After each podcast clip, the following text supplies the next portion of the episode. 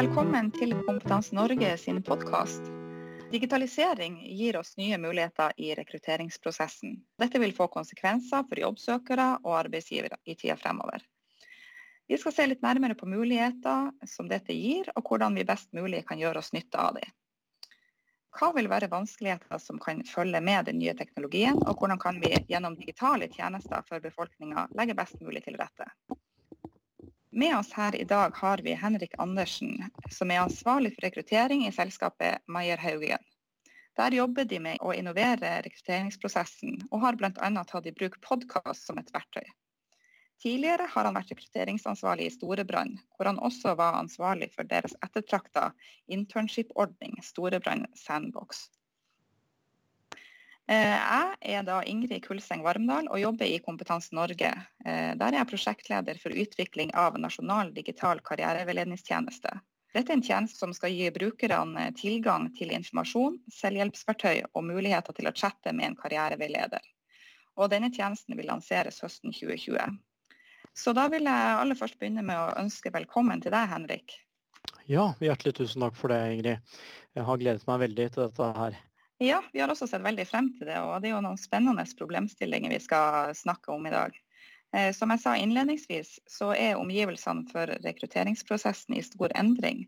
Og påvirkes av de digitale flatene som er, også endrer seg eh, i ganske hurtig tempo. Hva vil dette si for en person som skal ut i arbeidsmarkedet i dag? Ja, Det er jo et veldig spennende spørsmål, og så er det en av favorittspørsmålene mine. Eh, fordi dette med rekruttering er jo et område som preges av veldig mye tradisjon. Avisannonser var like aktuelt i 1919 som i 2019. Så blar man i Aftenposten eller DN nå i dag, så ser man fortsatt stillingsutlysninger på trygt media. Så er det jo en del andre ting som har skjedd. da, ikke sant? Sosiale medier, eh, herunder Facebook, eh, Instagram, Snapchat og ikke minst LinkedIn. Som vi bruker profesjonelt, vi som jobber som rekrutterere. Og jobbsøkere også må ha en god LinkedIn-profil. Så det er lett å finne dem, og oversiktlig for oss som skal finne de riktige folkene. Ja. Hva er det som veisøkerne, eller de som er ute etter å finne den riktige jobben, eh, hva er det de spør eh, etter hos sine arbeidsgivere? Og hvordan ønsker de å få på en best mulig måte vist sin kompetanse frem? Ja, Det er også et veldig godt spørsmål. Og Der ser vi nå på de siste undersøkelsene at dette med mm, jobb, fritid, balanse er veldig viktig for mange. Uh, selvfølgelig at det er spennende oppgaver. Gjerne spennende oppgaver løst i team sammen med andre ser man er en viktig trend. Uh, og man ser at uh, de ulike kandidatene verdsetter at det skal være noe mer i selskapet enn kun å eksistere. Si et finansforetak, det skal være noe mer enn kun å tjene penger. Eh, det skal gi noe. og Da ser man ofte bærekraft er nevnt, at selskapet jobber aktivt med bærekraft. Det kan være andre tiltak som gjør at uh, selskapet bygger tillit, som er et stikkord her, overfor jobbsøkerne. Uh, så, så, de tingene er viktige. Også selvfølgelig lønn er jo viktig, men det kommer et godt stykke ned på disse siste listene vi ser nå. Hva jobbsøkere vektlegger som de viktigste faktorene i valget av arbeidsgiver. Ja, Uh, og dette er jo et spennende tema. og du, Som du er inne på, så gjør jo digitaliseringa at uh, den kompetansen som man har behov for i arbeidslivet, kanskje har endra seg litt. Uh, og bildet på CV-en har gått fra veldig formelt til kanskje de mer uformelle kompetansen. Hvordan kan vi sikre oss at dette blir overført mellom arbeidstaker og arbeidsgiver på en god måte? Eh, sånn at det blir en god match da, mellom mm. det arbeidstaker kan tilby og det arbeidsgiver ønsker. Mm. Ja, Han var litt inne på det. Det er et område preget av mye tradisjon. CV og søknadsbrevet det lever i beste velgående. Vi hører og leser ulike ting om at det er dødt, men det er vi uenig i. Det lever. Og så ser man eh, noen ulike satsinger på å forenkle søknadsreisen. Det er det viktigste. Men å ha en god CV og et godt søknadsbrev, det er fortsatt aktuelt. Og så kan man jo si at De egenskapene man skal få, fram på CV-en, er, eh, det er spesielt to ting som jeg vil nevne. Eh, akademisk bakgrunn er viktig, men det er en vridning også der. Man ser at eh, holdninger løftes høyere enn den kunnskapen man tilegner seg på skolebenken. Litt enklere sagt, altså livet utenfor lesesalen og hva man har gjort og hvem du er som person, vektlegges i større og større grad nå enn det gjorde tidligere. Og så er dette med relevant arbeidserfaring det er et uttrykk som jeg har litt sånn problemer med. Fordi den nyutdannede gruppen, relevant arbeidserfaring for meg, jeg tenker all arbeidserfaring er god arbeidserfaring i starten av karrieren. Så har man jobbet i kassa på Rema eller vært på lager eller lignende, så få det med. Og selg det inn som en erfaring man faktisk vokste på. Og få det med i CV-en. Um, så Det er den ene biten. Og så er det jo sosiale medier brukes aktivt både fra arbeidsgiversiden og arbeidssøkersiden. Så følg med på de ulike selskapene sine karrieresider. Og se hvordan de foretrekker å få søknaden inn. Og her utforskes det mye teknologisk. Det er videointervjuer er testet. Ikke fått det fotfestet som mange trodde. Um, og man kjører ulike ting. Og spillbasert rekruttering er ofte høyt på agendaen. Men ofte så bunner det ut i at man blir kalt inn til et fysisk intervju, og at det faktisk blir det, det som er avgjørende. Den fysiske touchen, den menneskelige touchen, er fortsatt viktig i 2019, selv om vi ser at det er mye teknologi som gjør det enklere. For både rekrutterende avdelinger som HR-avdelinger og ledere, og også for kandidaten. Så, men som vi sier i Meyer Haugen, så er god teknologi den teknologien som gjør det enklere både for kandidaten og for arbeidsgiver. Ja, nå er vi jo på tur inn i en eh, på mange måter ny tidsalder for eh, arbeidsmarkedet. Der man ser det at det er stor etterspørsel etter kompetanse. Det er for få arbeidstakere i forhold til det som etterspørres, og kanskje ikke med riktig match på kompetansen heller. Alltid.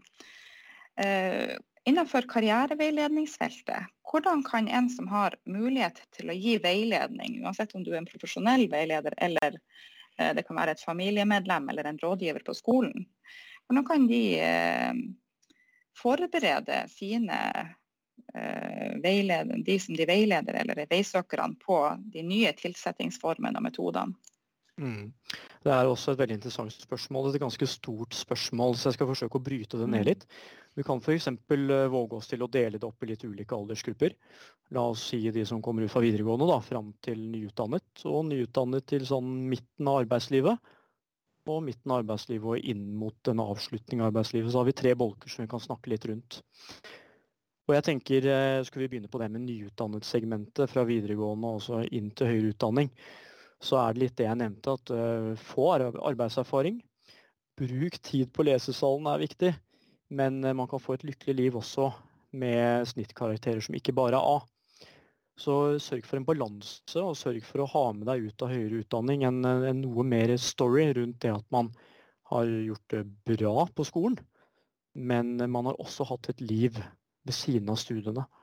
Og det kan være enten frivillig arbeid, eller det kan være betalt arbeid man må gjøre noe som eh, er med å bygge tillit og vise at dette er en person vi kan satse på.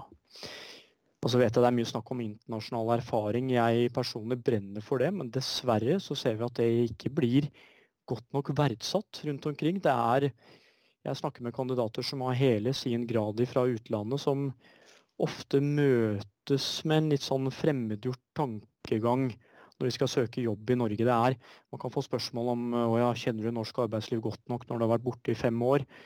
Litt spørsmål rundt det.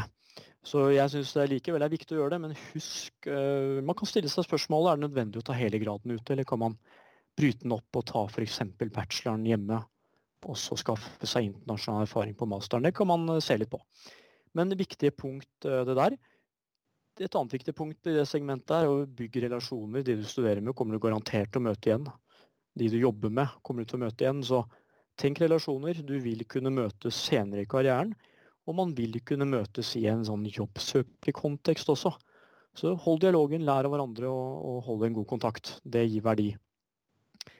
Det er den ene delen av svaret. Og så ser vi på del nummer to når man skal søke sin første jobb og si de 10-15-20 årene i starten av arbeidskarrieren. Da mm, er det mange om beinet, som du så bra sa. Konkurransen er eh, stor, men så må vi huske på at vi har en arbeidsledighet i Norge på 3,5% Så det er en god balanse. De aller fleste får jobb. Eh, så man må stille seg spørsmål om hva vil man jobbe med, hvilke arbeidsgiver vil man jobbe med. Og så er det det viktigste, som jeg alltid sier, eh, velg en god sjef. Eh, har du det, så blir du sett og løftet opp, og du får en god utvikling. Som er viktig i den delen av karrieren og starten av karrieren. Vær inne på sosiale medier, følg med på karrieresider. Snakk med en god rekrutterer kan også være en god idé. Følg med, legg inn CV-en der så den personen har deg på radaren. Og når du da har fått din første jobb, så er det jo en sånn saying at da bør man bytte tre til fire år, og det syns jeg er noe tull. Eh, man bør være i den jobben man trives i og får utvikling. Eh, kommer man inn i et konsern man tror på, så bør man ikke tenke tid. Man bør ha fokus på å gjøre en best mulig jobb der man er i dag. Og så åpner det seg utrolig mange muligheter, stort sett. Så man har fokus på i dag og gjør en god jobb. Det er eh, segment nummer to, og ser man inn på nummer tre, da, når man er i den siste delen av arbeidslivet og man er på vei til å gå inn for landing, så tror jeg de samme verdiene er gjeldende der. Sørg for å være nysgjerrig og sørg for kontinuerlig læring. Hold deg oppdatert. En bachelor er ikke en bachelor, den går ut på dato veldig fort. Så sørg for å være nysgjerrig og lære hele tiden, både med interne og eksterne kurs. Det tror jeg er de rådene jeg kan gi for hele yrkeskarrieren og, og, og de tingene der. Det er jo utrolig gode råd du kommer med her, og jeg tenker det blir jo spesielt viktig å ta med seg eh, inn i det landskapet som kommer videre fremover, eh, og holde seg oppdatert, rett og slett, med hyppige endringer. Eh, nå forstår jeg jo at du er opptatt av eh, innovasjon innenfor rekrutteringsprosessen. Og som jeg nevnte innledningsvis, så jobber vi med et digitalt prosjekt her i Tromsø. Eh, der vi skal lage en digital karriereveiledningstjeneste for Norges befolkning. Hvordan tenker du at en sånn digital karriereveiledningstjeneste kan bli et best mulig verktøy for både veisøker, veileder, og samtidig sørge, samtidig sørge for at samfunnet får tilgang på den riktige kompetansen. Ja, nå er vi jo virkelig inne på favorittemaet mitt her, og det er innovasjon knyttet opp mot rekruttering.